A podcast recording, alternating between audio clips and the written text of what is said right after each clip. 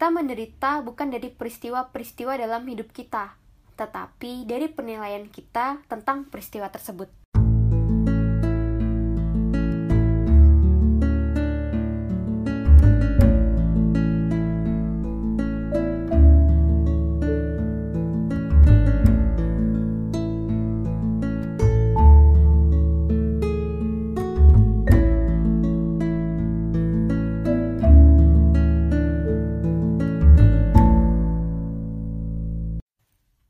Hai semua, welcome back to Stoicast ID, podcast filsafat stoicisme berbahasa Indonesia bersama saya, Sita Putri. Sebelum memulai episode ketiga kali ini, saya ingin mengucapkan Selamat Idul Fitri 1441 Hijriyah, mohon maaf lahir dan batin, dan semoga semakin banyak hikmah yang dapat kita petik di Idul Fitri tahun ini yang berada di tengah-tengah kondisi pandemik. Dan saya juga ingin berterima kasih untuk teman-teman karena udah dengerin podcast saya dan mendukung saya untuk terus berbagi tentang filsafat stoa. Semoga gak hanya saya yang merasakan manfaat dari belajar dan mempraktekkan filsafat stoa ini, tapi juga teman-teman semua ya. Ngomongin soal lebaran, apalagi lebaran tahun ini yang sedang dalam kondisi pandemik. Ada banyak hal berbeda yang kita rasakan, bukan? Seperti sebagian orang ada yang nggak bisa mudik, seperti saya, melaksanakan sholat idul fitri di rumah, dan bahkan silaturahim secara virtual melalui video call. Tidak ada tradisi saling berjabat tangan dan memeluk orang tersayang sambil mengucapkan kalimat permohonan maaf di lebaran tahun ini. Tapi walau begitu, ucapan permohonan maaf pun tetap dapat disampaikan tanpa tradisi tersebut. Tapi, Hal terpenting saat kita meminta dan menerima maaf dari orang lain adalah: sudahkah kita benar-benar menerima kesalahan mereka? Sudahkah kita berdamai dengan semua itu? Dan sudahkah kita memaafkan, menerima, dan berdamai dengan diri kita sendiri yang terutama? Di episode 3 kali ini, saya akan membahas dan sedikit bercerita tentang proses penerimaan dan berdamai dengan diri sendiri tentu saja dari sudut pandang stoicisme dan refleksi pribadi ketika saya mempraktekannya. Perlu diingat bahwa saya sampai di titik ini merupakan hasil dari proses refleksi dan latihan yang berkali-kali. Tidak instan dan butuh kesabaran serta waktu latihan yang banyak. Di lebaran tahun ini saya tidak mudik karena saya adalah perantau yang berasal dari luar Pulau Jawa. Karena dengan kondisi pandemik seperti ini sangat berisiko bagi saya untuk pulang. Tak hanya untuk diri saya pribadi, tetapi juga orang-orang yang di rumah yang nantinya akan saya temui. Hal ini tentu saja sangat relate atau berhubungan dengan episode sebelumnya, yaitu episode 2 tentang dikotomi kendali.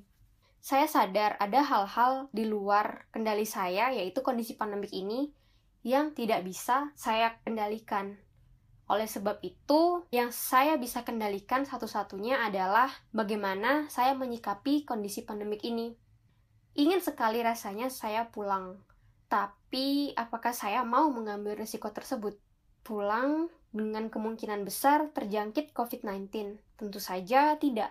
Maka dari itu, saya memutuskan untuk stay di tempat saya sekarang dan tidak mudik ke kampung halaman. Lalu apa yang saya lakukan selama saya tidak mudik dan selama saya stay di tempat perantauan saya? Saya mempelajari hobi baru untuk memanfaatkan momen stay at home ini, yaitu saya belajar untuk memasak dan mencoba resep-resep baru yang saya temukan di internet. Syukurlah saya sekarang sudah mencoba berbagai macam resep yang sebelumnya ketika saya membaca atau melihat resep tersebut saya rasa saya tidak mungkin bisa melakukannya. Tetapi setelah saya coba, saya mendapatkan hobi baru. Saya bersyukur saya bisa mencoba hal-hal baru yang sebelumnya saya merasa belum tentu bisa melakukan hal itu. Kemudian, saat Lebaran tiba, saya mengalami peristiwa yang tak terduga. Saya mendapatkan kabar dari ayah saya bahwa saya memiliki adik tiri. Tentu saja, ekspresi saya saat itu adalah kaget, senang, tapi juga bingung. Ketika saya mendengar berita ini, pada saat itu saya juga langsung menghentikan aktivitas saya dan mengambil napas untuk menenangkan emosi yang saya rasakan. Lalu kemudian saya juga bertanya kepada diri saya, apakah hal ini berada dalam kendali saya? Lalu apa yang bisa saya lakukan? Tentu saja hal ini berada di luar kendali saya, karena seperti yang sudah saya jelaskan di episode 2 sebelumnya, keluarga adalah hal yang berada di luar kendali kita, termasuk siapa saudara kita. Oleh sebab itu, kemudian saya berdialog dengan diri sendiri, berusaha menenangkan diri saya, dan berusaha berpikir secara rasional. Apa saja sih hal-hal yang bisa saya lakukan? Dari hal-hal yang telah saya sampaikan tadi, ada beberapa insight yang saya dapatkan. Yang pertama, hal-hal yang bisa saya kendalikan di masa pandemik ini adalah pikiran dan tindakan saya. Seperti yang sudah saya jelaskan sebelumnya, kondisi pandemik merupakan kondisi yang berada di luar kendali kita. Jadi, yang bisa saya kendalikan pada saat itu adalah pikiran dan tindakan saya. Apakah saya mau bersedih, marah dengan kondisi pandemik ini? Tidak seperti itu, bukan? Maka dari itu, saya mencari cara. Apa ya hal positif yang bisa saya lakukan selama stay at home karena kondisi ini? Maka yang tadi saya bilang, saya belajar hobi baru, saya memasak, bahkan juga saya akhirnya membaca buku-buku yang belum saya selesai baca.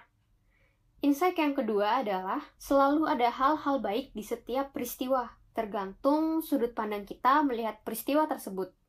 Di kota perantauan ini, saya tinggal di Indekos. Dan untungnya, beberapa tetangga Indekos saya banyak yang tidak mudik juga. Kami pun sering bertemu saat masak, meskipun hanya sekadar menyapa atau berbagi cerita.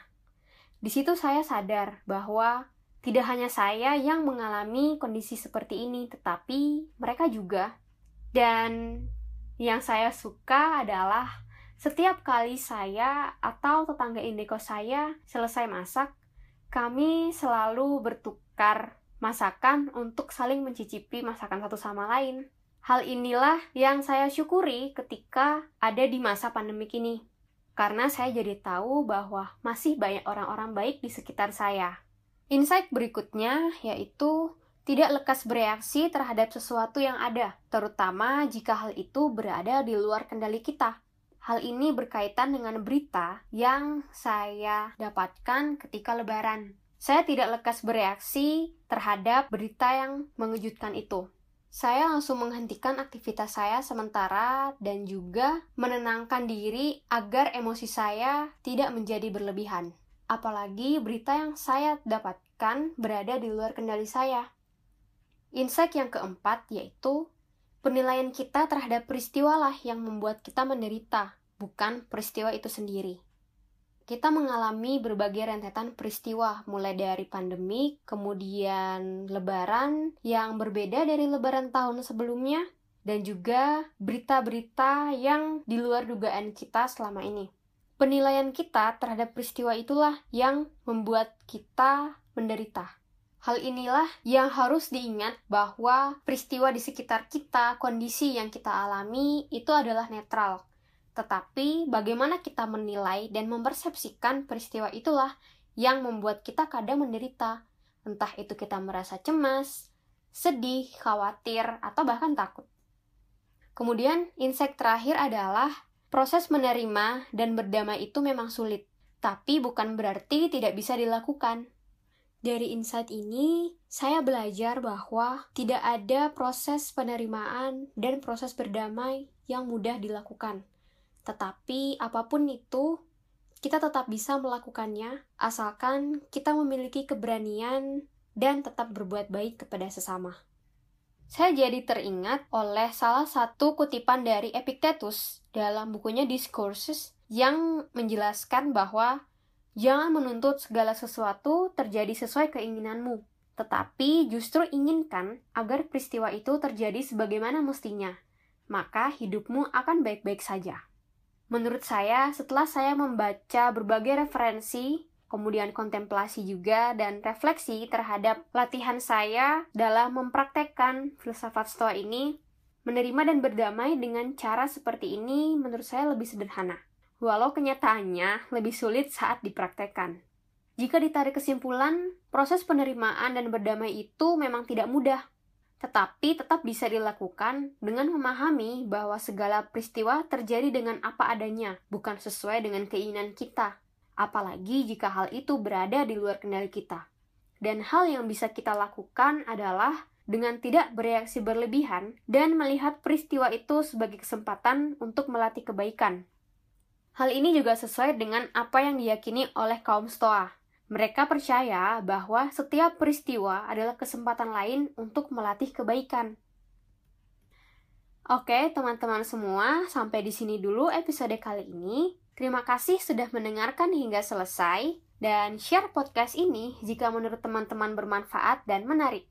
Kritik dan saran atau diskusi juga bisa disampaikan melalui DM ke Twitter at mysunsetsky atau Instagram at haisita. Sebelum menutup episode kali ini, saya ingin menyampaikan salah satu kutipan yang menjadi favorit saya dari Epictetus. Kita menderita bukan dari peristiwa-peristiwa dalam hidup kita, tetapi dari penilaian kita tentang peristiwa tersebut. Saya Sita Putri pamit, Sampai jumpa di episode selanjutnya. Bye!